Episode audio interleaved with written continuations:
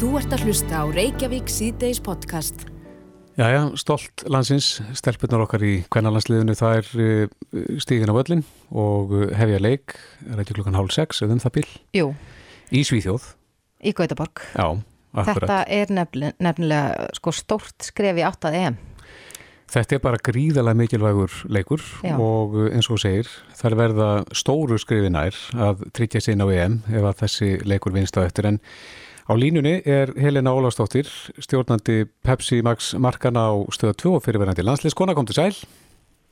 Sæl og blessuð. Já, hvernig metur þú þennan leik? Þetta er náttúrulega gríðalega mikilvægt að þessi leikur vinnist. Já, þetta er rosalega stór leikur og, og mikið undir en, en hérna ég er bara bjart sín og sérstaklega eftir, að, eftir leikin sem að var hér á lögandasvelli fyrir ekki svo raungu síðan. Hvað gerist, eh, sko, ef, ef, ef við vinnum ekki þennan leika, eigum við ennþá séns á að komast á EM? Já, þá eigum við ennþá séns því að liðið í öðru sæti riðilsins og öðru sæti riðilanna e, það á möguleika og, og meiri sé að liðið sem að nær bestum árangri í öðru sæti, það fer beint inn eða þrjú efstu liðin eða í næst efstu liðin, þannig að við eigum góða möguleika. Mm. En ef að, ef að við vinnum þennan leik, er það ekki rétt að þá eru við jöfn svíjum? Jú, þeir eru reynda búinu með leik meira og þannig að ég, sko, jú, þá verðum við jöfnsvíum en eigum tvo leiki inni. Já, Þannig að, að þá er náttúrulega vinnum við svíja erum við í dauðafæri og það, það verður að segjast eins og er að leikinu sem eftir eru, eru bara leiki sem við eigum að vinna. já. Einhvern veginn hafa íslensku landsliðin samt haft það svona fyrir venju að auka þessa spennuna. Er ekkert endilega að gera þetta auðveldara? Nei, nei, það hefur oft verið þannig en, en á öfurstundu þá förum við áfram og, og ég er samt eitthvað svo vissum það að stelpunar, uh, ég held sko, ég er bara einhvern veginn svo vissum það að við gerum allavega jafntöfn í dag. Já. En eh, hvernig eru við svona, ef við, ef við berum okkur saman við sænska liði, við náðum að, sko jafna metin í síðasta leik, Mm uh, erum við bjart sín á að við bara tökum þetta í kvöld?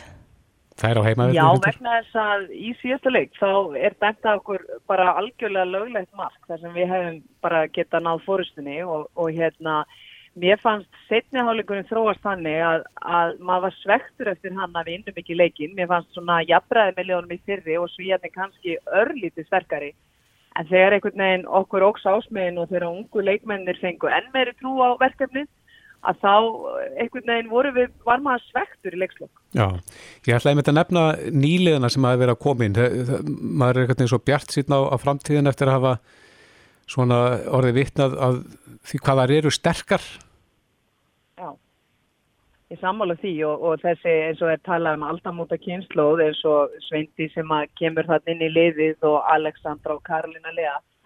Það er bara unnun að fylgjast með þeim og þetta eru stelpur sem eru búin að spila öll yngri landsliðin og það sýnir bara, sýnir okkur svo mikið hvað það er að við eigum leikmenn sem að, sem að hafa prófað þetta allt áður. Mm Er liðið heilt, sem sagt, er einhver, er einhver sem van, mun vanta inn á völlin í kvöld?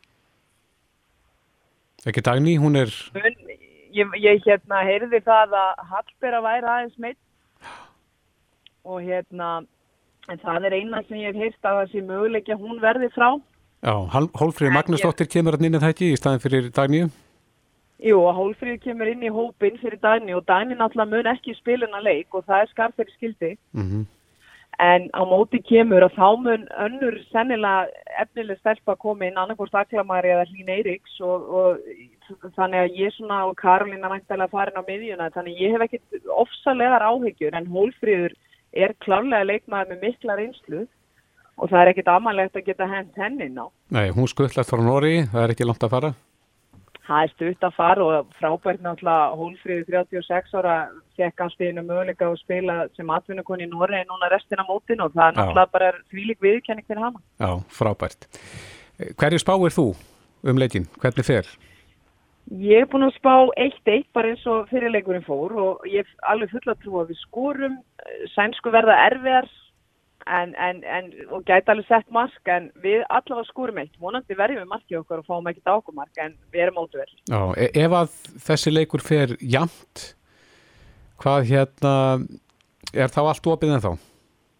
þá er allt gal opið því að þá náttúrulega vinnum við síðan síðustu tvo, þá erum við, ég, ég myndi halda með eitt af þeim liðum sem er með bestan árangur í öðru sæti og þá held ég að við getum meiri sér að fara áfram á þess að fara í umspil en, en ég er nú ekki alveg inn í hinnum riðlunum nákvæmlega, ég er náttúrulega einbetið með bara mínu lið Já.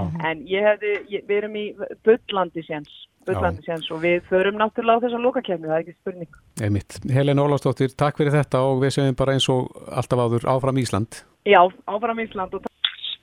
Þú ert að hlusta á Reykjavík C-Days podcast. Jæja, nú hafa komið uh, nýjar niðurstöður úr nýri rannsókn vísindamanna við Imperial College í London og það er sagt frá þessu á vísi.is í dag. Já. en þessi, þessar niðurstöður gefa til kynna að mótefni sem myndast hjá þeim sem að hafa fengið COVID-19 mm mingi nokkuð hratt. Já, ákveð um, lungun tíma. Já, allavega á stýttir tíma en við heldum held ég. Mm -hmm. og þarna Þórlug Guðnarsson sótvartanleiknir hefur nú þó bent á að meðal annars rannsókn íslenska erðagreiningar hafi gefið öfuga niðurstöðu. Að, að þetta mingi ekki mjög hratt og þetta mhm. hefur ótt verið umræðinu líka þetta með getum að smitast tvísvar og það hefur eitthvað bent til þess að maður geti smitast aftur en, en þetta eru svona meðsvísandi niðurstöður. Mm -hmm. uh, á línunni er Björn Rúnar Lúðvíksson sem er professor í ónæmisfræði og yfirlæknir ónæmislækninga á landsbítalunum kom til sæl Sælbúrsöð Já, hvað veldur því að við erum að sjá mismunandi niðurstöður úr rannsóknum, hvað þetta varðar? Sko það sem við, það þarf að muna eftir þegar að hugsa er um eh, viðbúra ónuminskerfisins og hvernig það eh, man eftir smiti og sérstaklega í, í sambandi við SARS-CoV-2 eh, vírusin að þá sem veldur COVID að að þá er þetta umverulega tvennskona viðbröð, annars vegar myndar ónuminsvarið mótefni mm -hmm. sem að eh, eru umverulega að þrennskonar eða fimm, mismunandi toga en við skulum þetta er einfald að það er að tala um þrjú mismunandi tegundir. Og síðan eru uh, frumur sem heita T-frumur sem að skipta miklu máli. En það eru B-frumur eins og það sem mynda mótefni það sem við eina sem að verða að mæla í þessum rannsóknum sem eru mikilvægar en, en samt tildulega svona afmarkaðar að þá er engungu verið að horfa á eina tegund á mótefnum í blóðinu en ekki e, svarið í heilstætti eins og það sko, kemur fyrir hjá ónumiskelunum og það er það sem skiptur um megin máli í vörðum okkar gegn þessari veiru er annars vegar mismunandi tegundra mótefnum sem fara af stað og svo hinsuðar er það þess að tjefrumur og það eru, það eru mjög aðtilsara niðurstöður sem hafa byrst á undarfellinu mánuðum sem sína tjefrumuna skipt ekki síðu máli og, og það er, tilvist þeirra kann að vera munum lengri heldur en að menn áætlu uppalega. Mm -hmm. Þannig að það er alltaf snemt að segja til um, um það og reyna að tólka þetta. Uh, sérstaklega þegar það kemur að hættunni að endursýkingu sem kannski er megið málið en, en, en það á eftir að koma miklu betur ljós. Mm -hmm. Staðrændin er svo að, að það eru gríðarlega fáir sem hafa síkt tvissar af veirunni og þeir sem hafa gert það virðast fá miklu vægar enginni en, en það er bara alveg í takt við það sem við sjáum við aðra síkingar og sérstaklega aðra veirusíkingar. Já, er, hefur þetta eitthvað verið skoðað hér þar að segja uh, þá sem að hafa verið mældir, mótefnamældir og, og síðan mótefnamældir aftur, er verið að skoða þetta hér á Íslandi? Það er nú skemmtilegt að skuru spyrja með þessu en við erum að fara á stanuna með stóra rannsóna landsbytalanum á samt smittsjóttunadildinni og, og síkla á erfræðildinni þar sem við ætlum að skoða einmitt þetta, það er að segja hvernig þróast þetta mótefnarsvar og þetta ónæmisvar og ekki bara einn tegundamótefnum heldur sem er yfirleitt verið að tala um, það er þetta IgG mm -hmm. en uppast mótefni sem við fáum er IgM og svo kemur IgG og svo IgA setna og það er eh, gegn mismunandi yfirbor samindum og yfirborði veiruna sem við erum líka að skoða þannig að þetta skiptir miklu meira máli varðandi varnir okkar inn í það hvort að við séum útsett fyrir því að fá veirusíkingu gegn eh, og fá COVID aftur eða ekki uh mhm. -huh. og svo hins vegar er þetta tjefrumursvar og þetta ætlum við alltaf að skoða þannig að þetta verður spennand að sjá hvað kemur út úr þessu Er það fólk sem að smitast þá í fyrstu bylginni?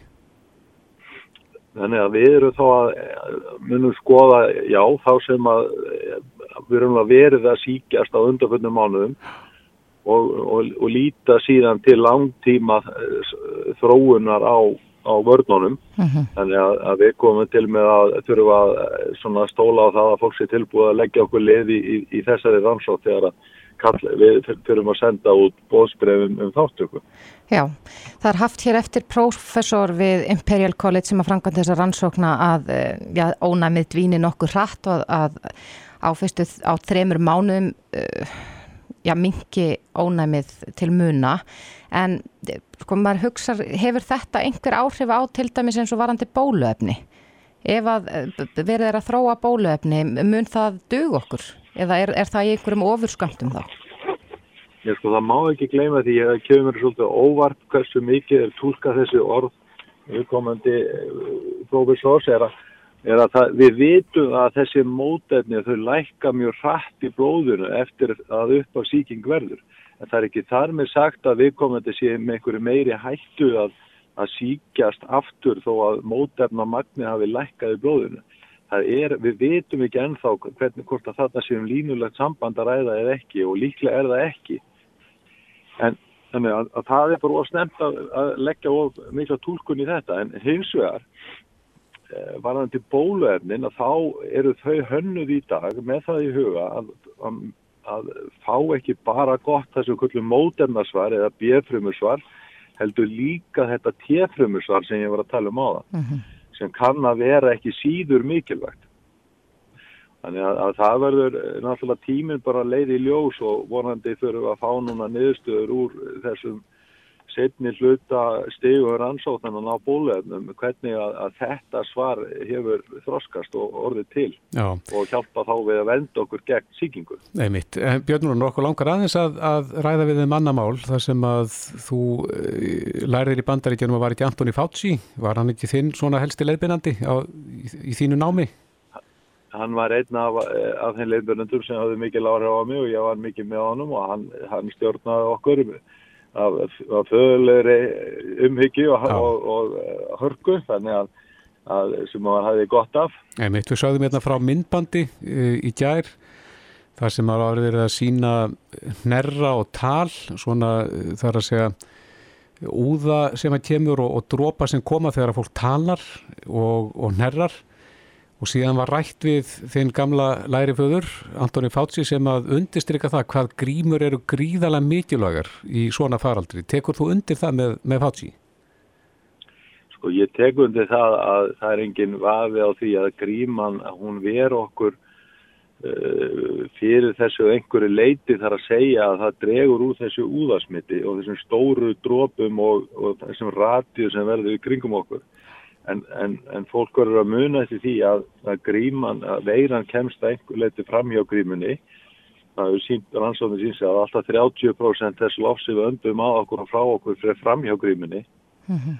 En þannig að, að við verðum að, að halda áfram og passa okkur að vera með reynlætið og þú okkur um hendunar og og, og við held að þessari tveggjametra reglu, ég held að það sé sko gríðarlega mikilvægt en svo sérstaklega það að þegar að fólk er með einkenni að vera þá með grínumuna vegna að það ver þá hina fyrir því að fá þetta úðasmitt uh, á sig. Mm, þannig ef allir er með grímur að, bæði þeir, þeir síktu og þeir ósíktu að þá ætti málið að vera nokkuð skotelt?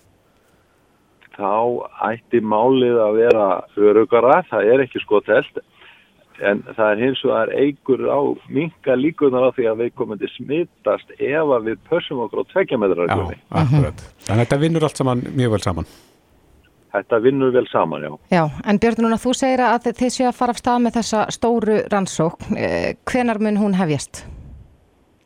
Bara um leið og við erum komið með öll tilskilin leiði, við erum að býða eftir að heyra frá vísinsíðan núna og, mm -hmm. og vonandi kemur það í höfn fljóðlega mm -hmm. Já Björn Rúnar Lúðvíksson, professor í ónæmisfræði og yfirlæknir ónæmislækninga á landsbítalunum við óskum ykkur góðs gengis með, með þessa rannsókn og kæra þakki fyrir. Takk að þessu með leiðis.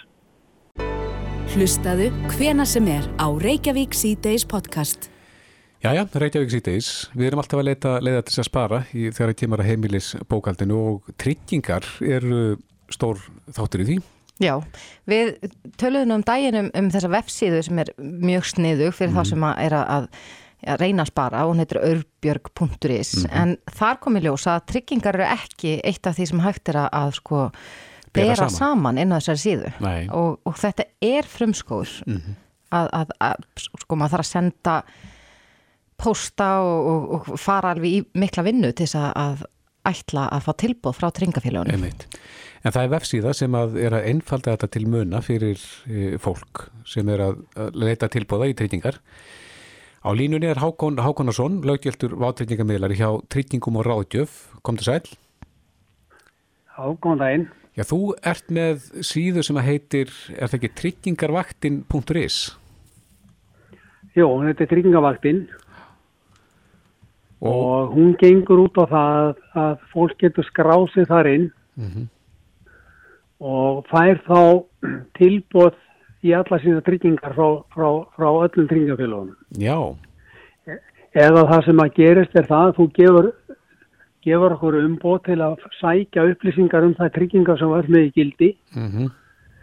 og þegar þær eru komin að til okkar frá því tryggingafélagi sem þú tryggir hjá mm -hmm þá sendur forritið út í öll fjögur tringafélagin óskarði tilbúðum mm -hmm. og hérna og ef það berst tilbúð frá öllu félagunum þá kemur það til því sem við skita vinnar og þú getur séð á einu og sama stað hvaða tilbúðið frá hverju félagi fyrir sig mm -hmm. og skoða sína tilbúðið nánar með því að smetla á eitt napp og í þessum tilvíkum er búið að senda þeim út yfirlitið við það trygging sem er með nú þegar þannig að, þannig að það, það er verið að byggja um tilbóð í samsvarandi tryggingar og þú er þegar með. Sko. Mm -hmm. Þannig að þetta er unni verið í staðin fyrir að fólk þurfa að ringja og óska eftir tilbóði frá hverju og einu tryggingafélag og bera sjálft saman við, við uh, sko sína tryggingar núna að þá er, gerir þetta fyrir mann. Skilji þetta rétt? Já, það er unni gerir Já, hann gerir tryggingamarkið sér um það að, að hérna, bæða óskæð þeirri yfirliti það er tryggingum sem er nú þegar með í gildi mm -hmm.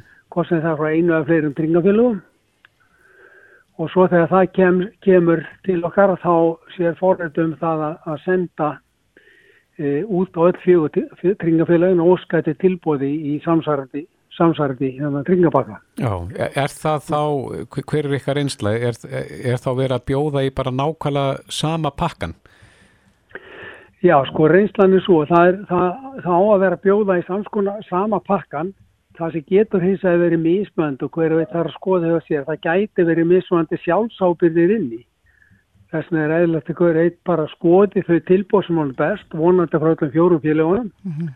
þá geta það borið saman sko bæði verð í hverja tryggingu fyrir sig og eins líka þá skilmála sig gildir þannig að það sé ekki verða með mismunandi til dæmis sjálfsábyrði í einhverjum sem dæmi eins og í kaskotryggingu það sem getur verið mismunandi og þá náttúrulega yðgjaldið ræðsvoldi af því hvaða hver sjálfsábyrðin er. Mm -hmm. Við erum ekki að leggja mat á það hvort að þetta séu sambarlega tryggingar heldur bara að gera viðskipturna sjálfur. Akkurat, þannig að, að ef það eru einhver misræmi í til dæmis skilmálum tryggingafélagana að þá þarf fólk að átta sig á því sjálft. Já, en almennt eru nú skilmálunni mjög sviðbæri hjá félagunum mm -hmm. En það frekar að komi fram í, í tilbúinu að, að hver sjálfsábyrðin er. Sjálfsábyrðin kemur ekki fram í skilmálum, heldur að kemur fram í tilbúinu mm -hmm. hjá hverju félagi fyrir sig. Já, já. En eh, getur þið gefa okkur dæmi um svona með að við reynsluna hvað fólk hefur verið að spara á þessu? Já, það er það mismöndi dæmi. Sumir fá bara, er ekkert að fá hagstæðari tilbúð, það er kannski fólk að því að almennt þar tjóna skýsla síðan þryggja ára að fylgja með mm -hmm. Og ef viðkomandi hefur verið mikið í tjónum að þá er hann ekkert að fá neina lækkun.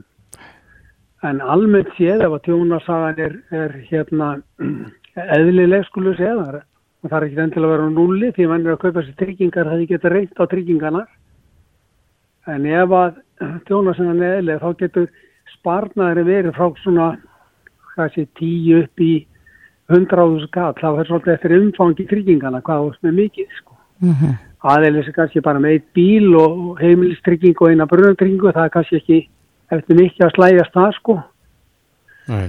en svona hjá almenni fjölskyldi getur fólk verið að spara sér, eins og ég segi, frá 30 upp í, upp í 90-100 á skall.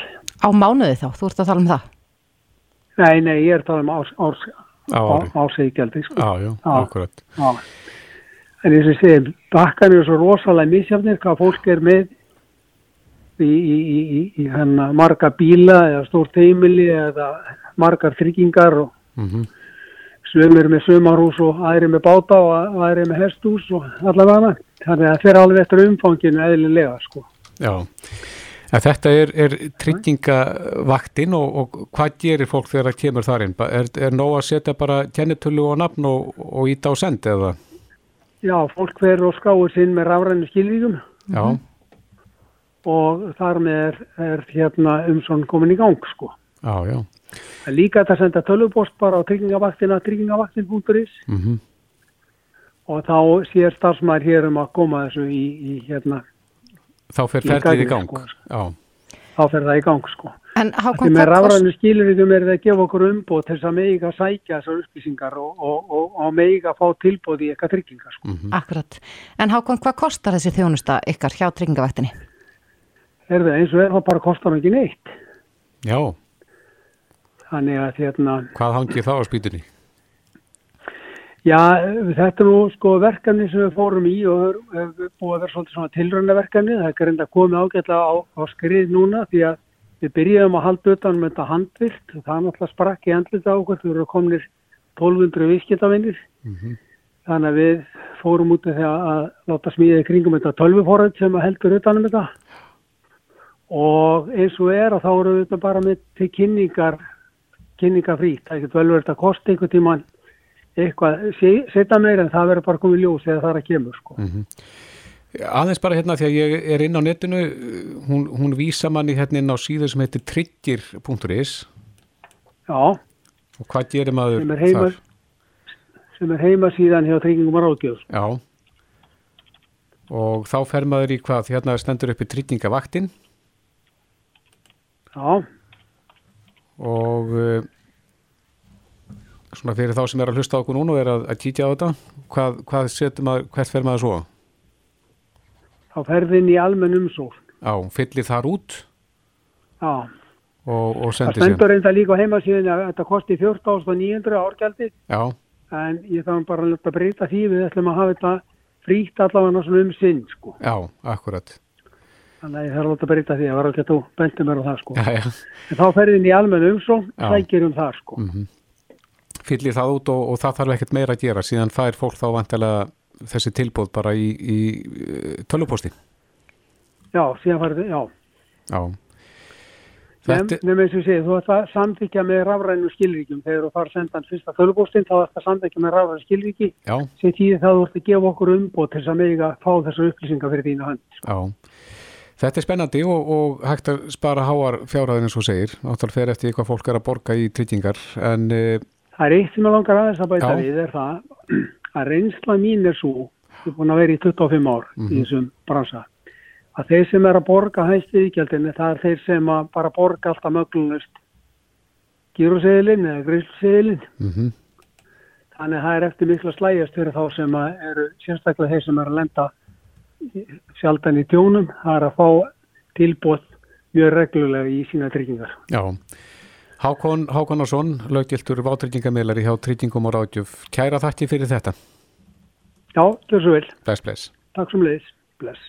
Reykjavík síðdeis á bylgjunni.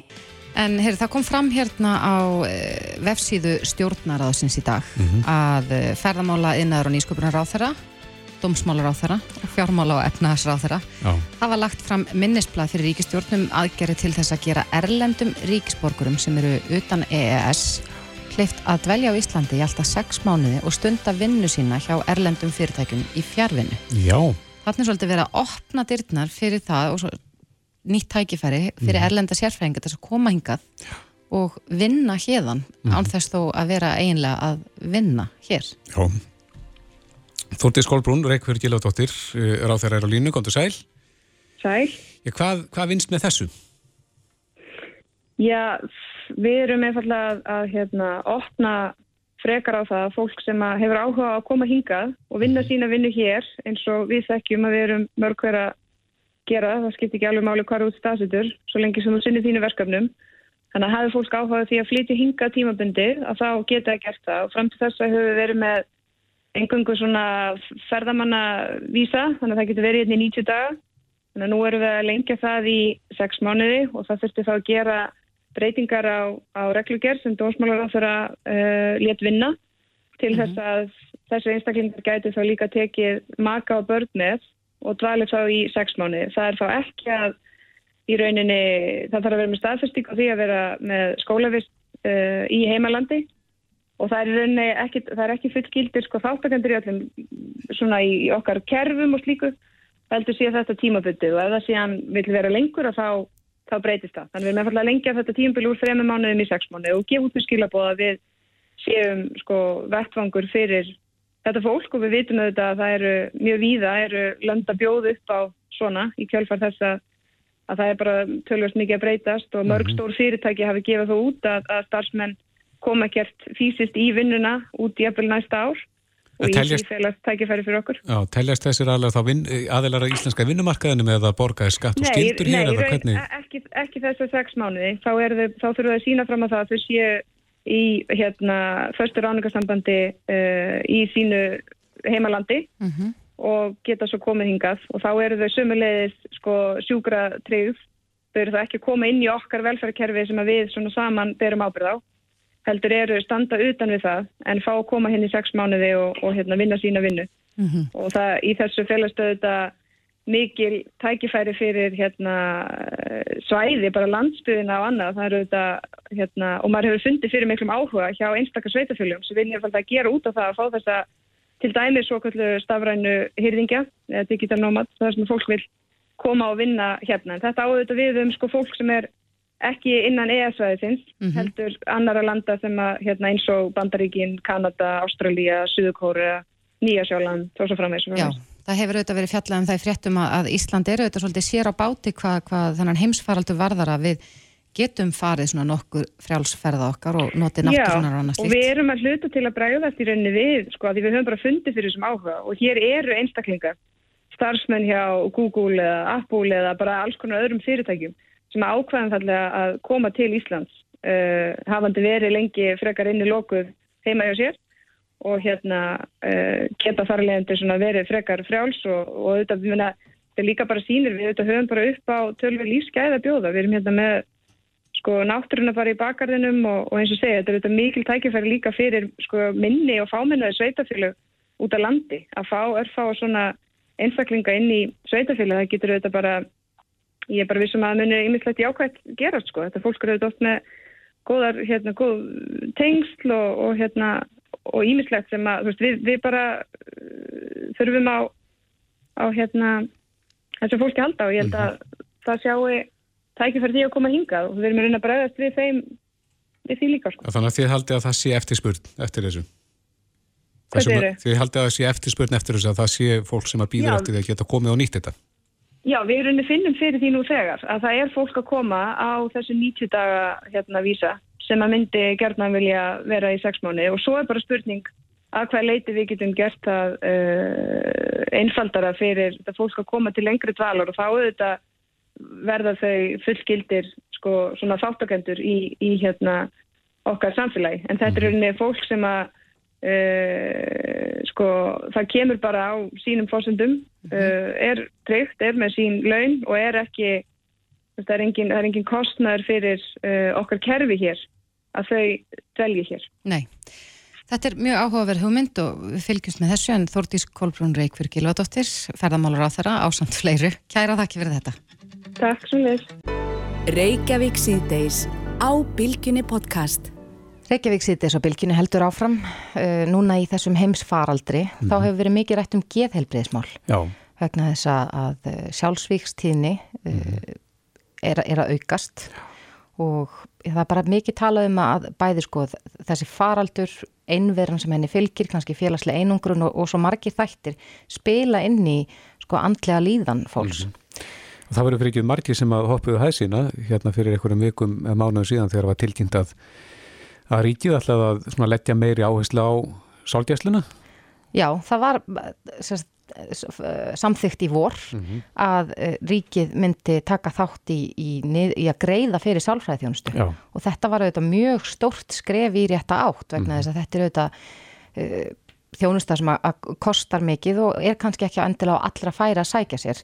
En nú hefur Þorgir Katrín Gunnarsdóttir uh, formað viðreistnar sem að lagði nú fram þetta frumvarp. Hún hefur veldi fyrir sér og í raun og veru sagt að í fjárlögum og fjármála áallir næsta ára væri raun og veru ekki gert ráð fyrir þessu að, það, að þetta sé ekki samræmi við vilja þingsins. En ég las hansi áhugaverða grein hérna á vísi.is í gær þar sem er uh, verið að tala um þessi mál og skora á stjórnvöld að láta af þessu verða mm -hmm. en, en höfundur greinarinnar er Kristbjörg Þóristóttir hún er varaþingmaður framsóknar og sérfræðingur í klíniskri sálfræði fullorina og hún er á línunni, kom til sæl Já, sæl Já, þetta er efni sem er þér mjög huglegið og, og hvernig blasir þetta við þér? Er verið að, að gera nóg og munum mun okkur takast að, að hrinda þessi framkvæmt? Eh, ég starfa á þessu sviði, svona dagstæðilega mm -hmm. og hef hugsað um þessi mál alveg hérna, tíu árs svona um það byll um aðgengi almenningssalfæriða þjónustu og staðan blasir þannig við mér að ég hef verulegar áhyggjur og, og þær lýsa sér í því að, að það er áhyggjurna lýsa sér þannig að ég finn svolítið á fólki sem að ég tala við dagstæðilega í tengsla við störm mín að róðurinn er að þingjast verulega. Að hvað leiti þá? Uh, að því leiti að sérst líðan fólks er vestnandi og fólk sem hefur verið bara staðið ágætla áður og hefur svo mist atvinnu sína og hérna sitt lífsviðværi með tilherandi áhyggjum að streitu mm -hmm. að, að, að sömur þeirra eru sennilega örmagnast núna. Er það út af... Það er fólk af... sem að misti uh, störfin í vor. Já, út af þessu ástandi sem að nú ríkir einangrun og, og sótkví og slíku. Já, og það sem við sálfrængar sjáum svolítið okkar störfum er að, að meðal annars þeir sem að höfðu vanda fyrir að, að þeim getur hægt við að vestna núna. Mm -hmm. Þú skrifar þessa grein og, og hún er mjög áhugaverð og það sem þú bendir líka á þarna er að í nýleiri grein sem byrtist í læknablaðinu kemur fram að 17,6% fullorðina á Íslandi hafi leist út þunglindislif árið 2019. Er þetta ekki já, mjög háar tölur kannski miða við, ef við miðum okkur við önnur eh, nákvæmland okkar eða annars líkt? Jú, þetta eru sláandi tölur og, og þetta er ekki nýjar frettir, við höfum verið mjög, við höfum verið með mjög mikla geðlifja nótkunni kemur tíðina og, og, og það hefur þetta kalla á þessar spurningar hvort að það sé ekki nægt aðgengi að gaggrendri solfræðfjónustu en það sem við sjáum og kemur fram í grein Ólafs er að það er aukning og, og það má einni nefna það að mesta aukningin í fjöldanótenda eru stúlkur og grunnskólaaldri. Mm -hmm. Það er aukningin um 90% á ára, árabilinu 2009 til 2019. Mm -hmm. og, og það sem er kannski aðtökilsvert er að þetta gerist í rauninni fyrir hérna, COVID. Já, þannig að þannig þetta var að stefni þess átt fyrir. Já, þannig að við stóðum ekki vel fyrir og, og það var kannski hvaðina greininu minna, mér rann svolítið blóðið til skildunar að reyna að leggja mitt á hóaskálanar til þess að hvetja stjórnvöld áfram þannig að við verðum að bregðast við núna. Mm -hmm. En uh, menn er ofta að reyna að rekna sér svolítið til í, í Excel. Sér þú hvernig dæmi gæti litið út ef að það er gefið svolítið í varandi niðugreifsla og sálfræði meðferð og svo hvern, hvernig það myndi stíla sér á hinnum endanum varðandi eh, þunglindisleif og annað slíkt kostnaðin þar. Sko ég sé dæmi líta þannig út að hérna, með því að setja en verulega innspytingu til þess að breyðast við afleggingum heimsfaraldesins auk þess að breyðast við sko þeim skorti sem var á aðgengi fyrir að, að þá muni það vera talsverður kostnæður fyrir ríkisjóð en það muni þess að skila sér markfald tilbaka. Bæði bara mjög fljótt af því það er mjög dýrkjæft fyrir samfélagi að fólk til dæmis veikist og, og dættur út af vinnumarkaði og, og svo mun það skil okkur alveg gríðarlega um ávinningi til lengri tíma litið. -hmm. Þá í læk, lækkun á livjakostnaði? Fyrir geðu. Þá í lækkun á livjakostnaði á móti? Já, það, það er mjög, það er mjög mikill, hérna, mikla tekjur sem kom inn á móti. Það er lækkun á, vantanlega lækkunarlifja kostnaði það er þess að það ætti að vera minni hérna, kostnaður vegna bóta og við vitum það að, að það eru sérst, uppindir 40% þeirra sem eru á hérna, öruskulífur eru vegna geðransvanda. Uh, það ætti að vera sérst, kostnaður í hérna, þessar tekjur sem kæmun í, tengslum við að hérna, við glötum ekki í skattekjum þar sem að fólk getur verið á vinnumarkaði og það ætti að vera minna ála á velferðarkerfin minna ála á fjölskyldur þannig að þið heyri að það er mjög mikill afleitu kostnæður. Mm. En er þetta ekki akkurat það sem við stöndum fram með fyrir að, að fólk næri ekki að reikna sig allarleið þanga? Það sér bara kostnæðin við að, að hérna, greiða nýður þessa þjónustu en það sér ekki sko hinnendan. Já, ég, ég tel að þetta gætu verið einskýringin á því að við séum ekki að, að þetta hafi ekki farið í gegn ennþá. Mm -hmm. Að ég held að þetta hafi strandað á, þess, á þessum kostnæði og það þyrft að reikna út hvað kostar að veita ekki þess að þjónustu. Mm -hmm. Og nágrannar okkar breytar, þeir hafa verið að vinna í þessum málum alveg síðastliðin hérna, um það byrjum 12-15 ár. Mm -hmm. Þar sem þeir hafa verið að vinna verkefni sem heitir Improving Access to Psychological Therapies. Og þeir fengu bara hagfræðingi lið með sér sem reiknaði það út hvaða kostaði ríkisjóð að gera þetta ekki og fóru í stórkoslegt áttak í því að þjálfa upp fleiri þúsund terapista til þess að veita gaggrinda sálfræðameðferð. Já, þeir reiknuð út og, og hver var útkoman á því dæmi? Sett, útkoman var í rauninni svo að það skilaði sér fyrir, hérna, fyrir breska ríkisjóðin mm -hmm. að það skilaði sér að fara í, fara í bara stórkoslegt áttak í að auka aðgengi af gaggrindum sálfræðameðferðum. Mm -hmm. Af því þá komst fólk frekar út af vinnumarkað það getur farið að greiða skattana sína, það sækir minna þjónustu í heilbriðs- og velferðarkerfin og svo náttúrulega er allur þessu ómældi kostnaður og bara sársöki sem fælst í því að fá ekki það aðstóðsögðu þar. Akkurat, en, en Kristbjörg, er ekki, já staðan kannski einhver leiti líka verri núna vegna þess að eins og þú segir, þá eru margir sem hafa mist lífsviðveri sitt og, og sálfræði tímar geta verið verulega kostnæðarsamir þannig að það er ekkit endilega allra færi að leita sér að ná sér í hjálp með þessum hætti þannig að ef einhver tíman þá ætti ríkið að stíga inn núna? Já, ég tel í raunin að þetta sé stór, hérna, það sé stór efnahagsaðgerð. Að þetta er mótvæðis aðgerð hérna, til að efla geðheilbyrðistjónustuna sem í rauninni ákveðin grundvöldur undir efnahagsaðgerðir. Mm -hmm.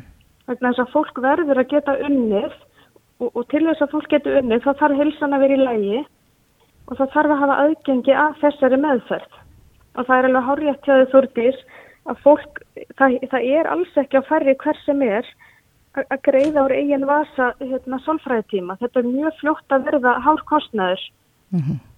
og við sem við vinnum í þessu dagstæla, við standum fram með fyrir því að heyri fólki sem er í sári, í rauninni brítni þarf fyrir þjónustu og við getum ekki alltaf bóðið þjónustuna strax það getur verið jafnvel margra mánuða byggð og það er mjög alvarlegt. Því við þurfum að grýpa fólk en um leið og, og það kemur til okkar og vil nýta aðstöðina. Mm -hmm. En þín tillaga er svo að, að það þurfa að byggja upp svona þrepaskipt geðhelbriðskerfi. Hvernig myndi Já. það eh, virka? Sko ég, það sem ég hef séð fyrir mér og sjálfsögur fleiri, ég er alls ekki einum að tala þessu máli, heldur eru við bara mjög mörg sem höfum talað fyrir þessum breytingum sem endur spekla kannski samstöðuna í þinginu. Og það sem ég hef séð fyrir mér er að eflum helsugjastluna verulega þannig að myndist ekki bygglista þar. Og, og þar séum við að grýpa fólk svolítið þegar að, hérna, þegar að finna fyrir þess að kvíða, deburð, hérna, vægri áfallastreitu einhverju slíku. Mm -hmm. og við metum síðan og getum þá hérna, getum við veitt þessum hópi aðstóð sem er kannski með hérna, vægandi miðlungsvanda og, og þannig vinnum við í dag. Og ef að fólk þarfir unni meira að þá getum við vísaðum áfram til til dæmis sjálfstæðstarfandi sálfræðinga, það eru þá niðugrætta ríkinu, þar kemur frumvarpið inn í. Mm -hmm. og, og ef að vandin er ennþá meiri en, en hérna, e, ennþá meira en það, að þá myndum við vísa áfram á landsbytalan við erum mhm. auðvitað að gera þetta í dag. Ég hef alltaf séð þetta þannig að með að grýpa fólk sem allra fyrst að þá erum við rauninni að leysa þann vanda sem gæti komið síðar þannig að, þannig að boltin ætti alltaf að verða minni Já, þetta er aðdeklisvert. Kristbjörg Þóriðsdóttir var að þingmaður framsóknarflokksins og sérfræðingur í klíniskri sálfræði, fullorðina. Kæra þætti fyrir þetta. Já, takk fyrir sömulegis. Bless, bless. Bless. Reykjavík síðdeis á Bilginni podcast. Reykjavík síðdeis á Bilginni. Ég held að það séu mjög margir sem að, eru spenntir fyrir nýja iPhone símanum. Það er eiginlega mm -hmm. í hvert skipti sem að iPhone, eða Apple gefur út nýja útgafa af iPhone, þá verður svona stór hópur af fólki Já, spennt. einmitt. Og, en það er spurning hvað er nýtt í þessu, það er nú ekki langt síðan að þeir kynntu nýja síma sinn. En uh, hann er að koma núna í, í hansi mörgum tegundum. Já, þetta eru fjórir, fjórar nýjar tegundur. Þetta er semst iPhone 12 Mhm, og það er bara, eh, ef við byrjum neðst, mhm, í minnsta símanum, þá er, er sími sem heitir iPhone 12 mini, mhm. svo er iPhone 12 sem er svona venjulegi iPhone símin, svo er iPhone 12 Pro mhm. og svo fyrir þá sem að vilja það besta, held ég, að þá er það iPhone 12 Pro Max. Já, en er hann endilega bestur? Uh, við erum með uh, sérfrængin á línunni. Já, Alli Stefán Ingvarsson hjá Tæknivarpinu, kom til sæl. Jú, góðan daginn. Já, þú þekkir þetta eflust betur en við. Um, er, er þetta, í þeirri röð sem ég var að segja þetta núna, er, er, er þetta gæðaröð eða einungi stærðaröð? Sko það eru tvær vörulínur þannig séð. Það er sem sagt venjulega vörulínan sem er sagt 12 eða 11 eins og það verið fyrra. Og hún er svona, eh, selst ekki best fyrst en svo er hún í rauninni svona langklaupari og, og það verður oftast lang vinsalasti síminn til lengdar. Hann er, var ver, verðlagur í fyrra og hreyðist mjög vel. Loksins þá tók Kína við sér. Þess að 10R svona seldið frekar ítli í Kína, það var á dýr. iPhone, iPhone 11 kom inn á sagt, 700 dólarum sem var lækkun frá 10R sem kostiði 750 uh, 12 núna hún er að fá svona aðeins svona meira hún er að fara að slatta eitthvað fínu uppfæslu frá 11 Hvað þá helst? hinn já, sérst, e, svo sérst, með hinn, hinn partalina vörulínu þá er það prólínan og það er það besta og, og mínisímin er í rauninni til er þessari vennulegu vörulínu sérst, bara, það er 12, bara minn núka af 12 Mm Og hvað er, hvað er nú nýtt í þessu? Um, það er, útlýtsbreytingin er eiginlega stærsta. Um, símanir er að fara svolítið aftur á bakk, áfram og aftur á bakk. Það er verið svona samin útlitið sem kom með tíunni við útlitið á fimmunni, sem ég segja fjarkanum, en ég, ég segi fimmunni, uh, sem er þetta kantaða útlit. Það sem hliðarnar eru ekki rúnar, heldur svona kantaðar, alveg eins og iPad Pro hefur verið og hérna, þetta er, mér finnst þetta mjög fallegt uh, en ástæðan fyrir því að, iPhone var fór í rúnaða kanta er til þess að sé auðvöldra að taka hann upp og setja hann frá sér. Þannig að núna fellur hann rauninni alveg að, að borðum. Þú leggur hann frá þér, hann er alveg flattur. Nema það er smá linsa hérna í uh, á vinstri bakinu, vinstri bakliðinni vinstri mér á bakliðinni. En eru þeir semst að fara tilbaka með það áður uh, með hinum útgáðunum áttu að geta tekið það upp mjög auðveldlega en, en vilja er það ekki lengur? Það er þannig að langt flestir eru konum með símana sína í hulstur. Þannig að þetta er eiginlega ekki lengur vandamál. Það er smá svona uh, hérna rúnun á þessum köntum þetta er ekki alveg flatt eins og iPhone 5 var. En þetta er, veist, núna þess, það er ekki sens þú getur látið 11, iPhone 11 standa en nú er hægt að láta tóluna standa bara upp á röst. Upp á rönd sig. Akkurat. En uh, annar stór þessu ef ég má sletta þess, það er hérna 5G sem er, er komið núna í, í tóluna. Já, og kynningin Apple eiginlega fór frekar djúpt í það og búið að gera grína því í vídeo þessum að tekið svona supercut af öllum skiptunum sem 5G hafa sagt og ég held að þetta sé vel yfir 30 sunum sem 5G hafa sagt og en hérna, leiðilegt að gera lítið því en 5G er, er þetta hérna, frábærtekni sem er að fara að auka hérna, getu farsemikerfuna og, og það er eiginlega bara þannig að við erum eiginlega bara elda eftirspurnuna í þeim málum. Fólk segir okkur þar í 5G en staðan er bara svo að að 5G er bara næsta skref og bara til að sinna sem sinna eftirspurninni sem er á markanum Mm En erum við að fara að geta notað síman okkar og notað 5G tæknina í þessum nýju símum á næstunni? Verður ekki bara eru- komið nýr sími áður en að við förum að geta notað þetta? Sko, e, já, það eru margir sem segja það og, og það er alveg ágætispunktur. Uh, 5G er, er sérst, byrjað í uppbyggingu á Íslandi og Nova fór fyrst af staðum daginn og það eru komnir hérna sendar í, í á höfuborgsvænu uh, og það eru hérna er að detta inn símar iPhone er ekki fyrst í 5G það eru, það eru nú þegar komnir 5G símar á markaðin en það er enginn svona almennilega kannski búin að kveikja á 5G-nu sinu veist, það er svona ennþá svolítið verið að þróa þetta áfram. Uh, sumir ólíkt mér. Ég kaup alltaf nýjan síma á hverju ári en það er svona áhugamál mitt. En flestir eru nú að kaupa þetta á mjög lengri tíma. Þannig að setja 5G núna í iPhone sem kannski er að fara að endast í 2-4 ár sem er bara mjög eðlegt þeir, þeir eru byrjar að endast lengur. Mér finnst það alveg eðlegt að setja 5G núna í það og, og bara að þetta er ágætis, ágætis líftími komin á það sko. Mm -hmm. En svona stærstu breytinga þegar við erum alltaf búin að nefna 5G myndavílin, er, er, er það önnur stór breyting? Eh, sko, prósímanir þeir fá hérna betri myndbatsseginleika og geta tekið upp í Dolby Vision og 10 bitum sem því er þessi fleiri litir. iPhone hefur nú í nokkur ár verið bara með lang bestu myndbats, myndbatsupptökuna eh, og, mynd, og yfir allt hefur myndavillin á iPhone simanum alltaf verið svona svo besta ef það er litið á alla einleikana. Það er suma myndavel sem hafa komið sem hafa vissilega skara fram úr eins og dæmis Samsung kom með 100 hérna, aðdraftalinsu í Samsung Galaxy eh, S20 Ultra símanum og, og en já, svona yfir allt eru þetta bestu vídeovelunar, það er eiginlega enginn sem hefur skákað Apple þar. Nei, ég rakst á einhverja grein hérna á netinu og ég er nú ekki mikill sérfræðingur í iPhone símum en, en þar er verið að fara yfir sagt, munin á iPhone 12 og iPhone 12 Pro og, og niðurstaðan í þessari grein er svo að símanir séu nánast eins bæði að innan sem utan. Getur þú tekið undir það? Ætti fólk að vera að eyða í iPhone 12 Pro þegar að iPhone 12 er bara nánast eins? Þetta er rosalega góð spurning. Ég hérna, sjálfur er mynd búin að vera pæli þessu og hérna mínir kollegar, mikið búin að spjalla með það. Það er mjótt á munum. Eh, það er rosalega margt sem er líkt með 12 og 12 Pro eins og kemur fram í þessari grein eh, þar sem ég var að skoða inn í símana. Innan er þeir eiginlega bara eins að líti út og utan er þeir eiginlega líka. þeir eru með sama skjá, sömu stærð báði með þetta Ceramic Shield sem er nýrfítur sem eigur högnheldi heldni. Það er samörgri. Það eru tvær alvinslinsur, hérna gleiðlinsa og svo mjög gleiðlinsa, uh, white, ultra-white linsur. Samarafla, báður stiðja þetta nýja MagSafe sem er mjög skemmtlegt, sem er svona segur hlæðslutæki sem þarf ekki að tengja í síman, heldur bara setur á bakið og hann smellist af.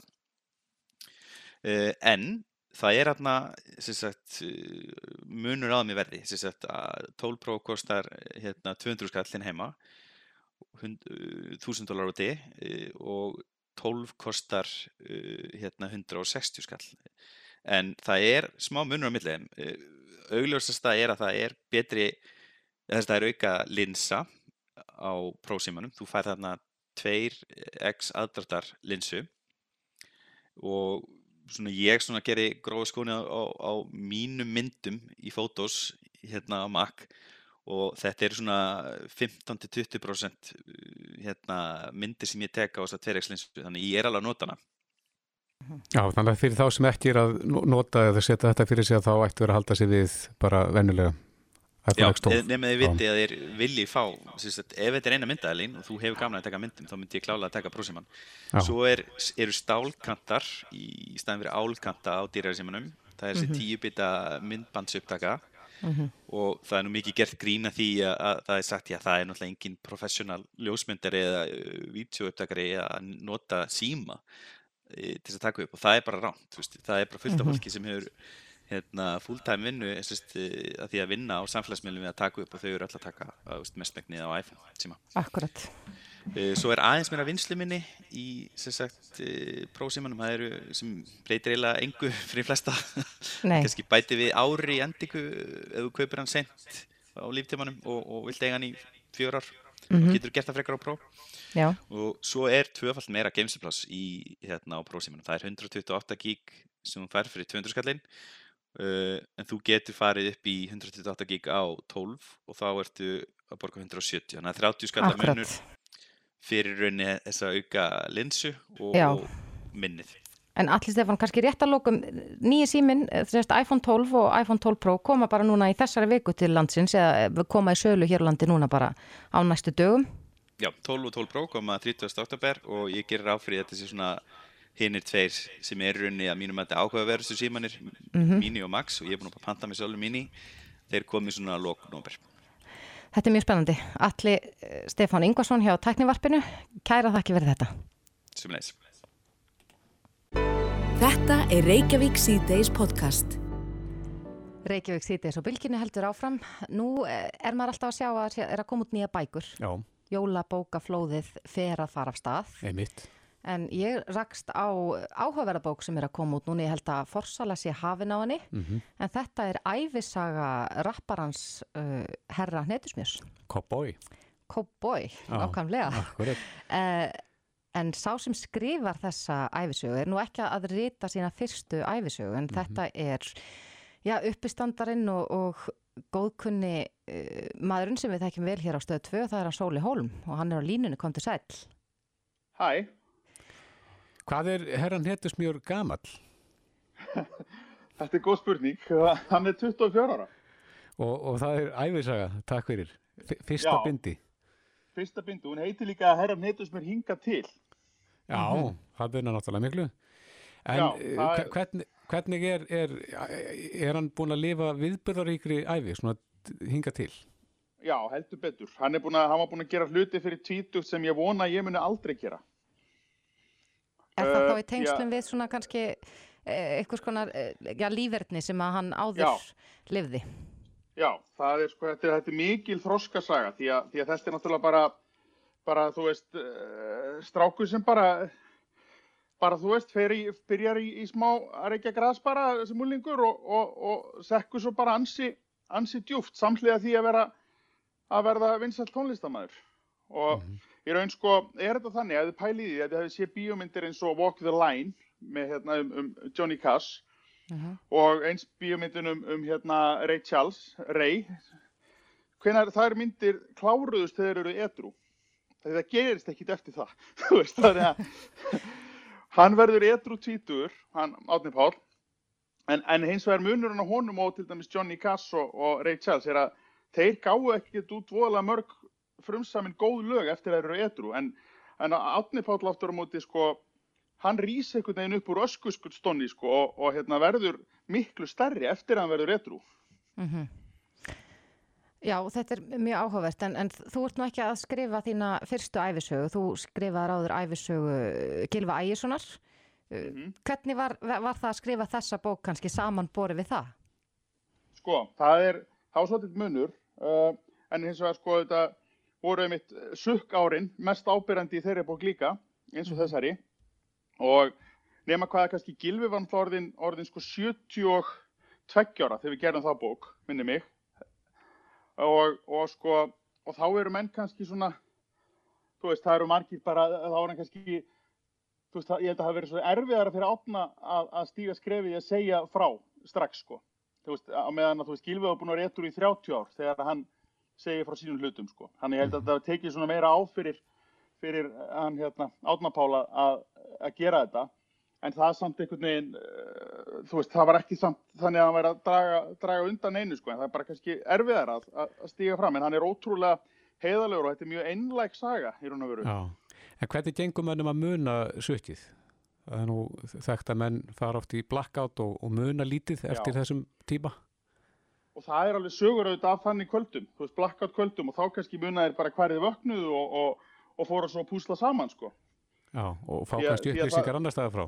Já, fá upplýsingar annar staðar frá og það er alveg nokkar þannig, þannig sögur, það sem að, það sem að hérna, átni vaknar bara og, og veit ekki hvað hann gerði af sér og, og svo bara byrja púslin að ræða saman og oftast ekki tjellega vel, sko, þegar, að- þegar að fara að púsla saman kvöldin áður, þegar hann færi svona upplýsingar frá öðru fólki.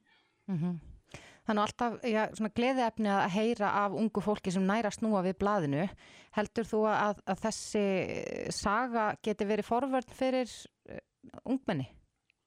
Ég held það alveg tímalöst að, hérna, að sína bara einhvern veginn uh, að þú veist, þó, sama hversu djúft menn sökka, þá er, er til leið upp úr þessu og, og, og þú veist, það getur bara brosað, lífi getur brosað heldur betur við þér því að náttúrulega eins og sem ég alltaf í þessu tilfelli þá gengur honum átna alveg frábælega í dag og orðin faðir og, og, og bara farsæll tónlistamæður að meðan að einhvern veginn alltaf gert svona með hálfgjörðu þú veist ekki, sé ekki hálkáki, þá er alltaf mikil, mikil metnaður í tónlistun og öllu því, en, en svona ferillin var það var ekki haldið eins vel utan um allt sem hann var að gera eins og hann gerir núna. Ég hef aldrei kynst jafn, jafn öguðum listamanni og, og honum. Mm -hmm. En Sóli, getur þú svona kannski rétt í lokin gefið okkur smá forsmekkaði, sagt okkur eina stutta sögu? Já, svona... Sem, þú mannst á bókinni? Uh, sko, já, það, ég veit ekki hvað maður á það. Sko, það er svolítið... Þetta er svolítið óundibúið, ég veit það. Já, þetta er mjög óundibúið, sko. þetta er svolítið erfitt að, erfitt að velja, sko, því þetta er náttúrulega, þú veist... Er, er þetta marga litla sögur eða... Já, já, þetta er náttúrulega bara tímalína í raun og veru, þú veist, já. bara frá, frá fæðingu og til, til hérna, dagsins í dag mm -hmm. og, og eins og hérna með, var með bókina, eins og þetta með Gilva Ægisson, þá er bókin miklu stittri síðustu 30 árin heldur en, heldur en hérna heldur en sukkárin sko, veist, Já. og það er eins með þetta, þú veist, að það er, það er bara farið svolítið vel yfir allt og uppbygginguna af því. Bara hvernig ma maðurinn, þú veist, sekkur dýbra og dýbra og, og, og svo þetta hvernig hann rýs upp aftur. Og og þú veist, að það er kannski erfitt svona ánlega spott að koma með einhverja eina sög en ég get alveg loða eitthvað því að, að það munum margir svona lesa þetta opinu myndir sko sem gerir mm -hmm. grein fyrir því kannski hversu langt leittur hann var sko veist, ég held að, því að, að það var svolítið falið og hann náttúrulega sjálfur ekki orðin eins þektur á þessum tíma Akkurat. eins og hann er í dag Ég sá inn á Instagram hjá, hjá þér örgla að uh, bókin er forsala er hafinn Hvenar munum við sjá bókina í, í búðum? Það er 3. november, ég held í ljúi engum með það, hún kom út 3. Mm -hmm. november, núna bara í næstu viku, en það er já þessi fórsalega þannig að þá, þá eru þessi öll eintök árituð og, og sendt bara heima dyrum hérna í, í, á innanlands, frí heimsending innanlands.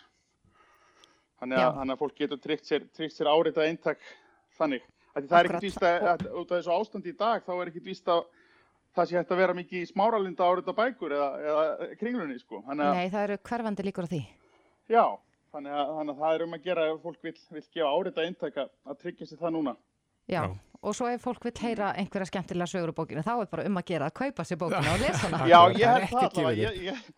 Nei, sko, þú veist, eh, já, maður veit, ég vil ekki, ekki velja núna svona á tíu sekundum eitthvað sem, og hugsa svo, okkur sagði ekki þessu sögur frekar. Já, þetta var illa gert að mig líka stillaði svona upp, en, en Sóli, það verður spennand að lesa bókina um herran Hetismjör. Tjæra þakki fyrir spjallið. Já, takk fyrir. Bless, bless. Þetta er Reykjavík C-Days podcast.